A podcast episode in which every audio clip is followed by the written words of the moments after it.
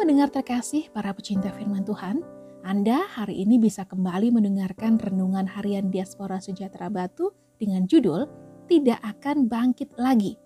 Bacaannya terambil dari Wahyu 18 ayat 21 sampai 24. Ayat 21 sampai 24. Babel tidak akan bangkit lagi.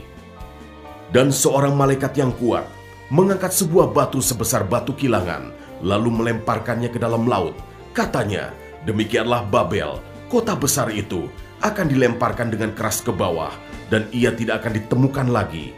Dan suara pemain-pemain kecapi, dan penyanyi-penyanyi, dan peniup-peniup seruling dan sangkakala tidak akan kedengaran lagi di dalammu.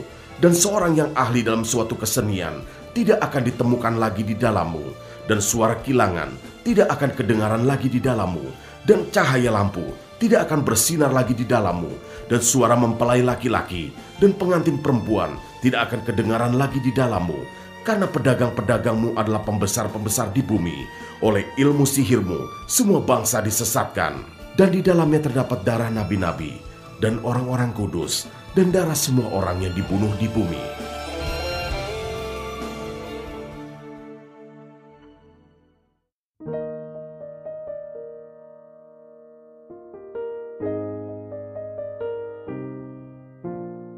Dan seorang malaikat yang kuat mengangkat sebuah batu sebesar batu kilangan lalu melemparkannya ke dalam laut katanya. Demikianlah Babel, kota besar itu akan dilemparkan dengan keras ke bawah dan ia tidak akan ditemukan lagi. Wahyu 18 ayat 21.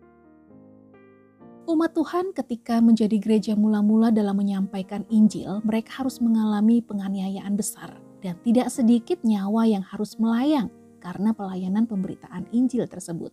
Pada saat itu, gereja sepertinya mustahil untuk bertahan, apalagi berkembang. Tetapi faktanya, meski mengalami penganiayaan, justru gereja semakin berkembang dengan pesat. Bahkan Injil menyebar ke seluruh dunia.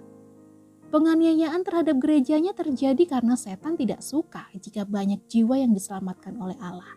Itu sebabnya setan berusaha dan bekerja sekuat tenaga menghentikan kegerakan Injil dan menyesatkan sebanyak mungkin jiwa-jiwa. Dan melalui bacaan saat ini, Allah menyampaikan pesannya kepada Rasul Yohanes bahwa kekuasaan setan pada saat tertentu akan dihancurkan dan mereka tidak akan bangkit lagi. Hal tersebut sebagai akibat dari ketidaktaatan dan dari usaha setan yang selalu menyesatkan gerejanya. Pada saat itu, orang-orang percaya akan menerima upah dari perjuangan mereka selama hidup di bumi sehingga kesakitan karena kesengsaraan dan sakit penyakit tidak menguasai lagi.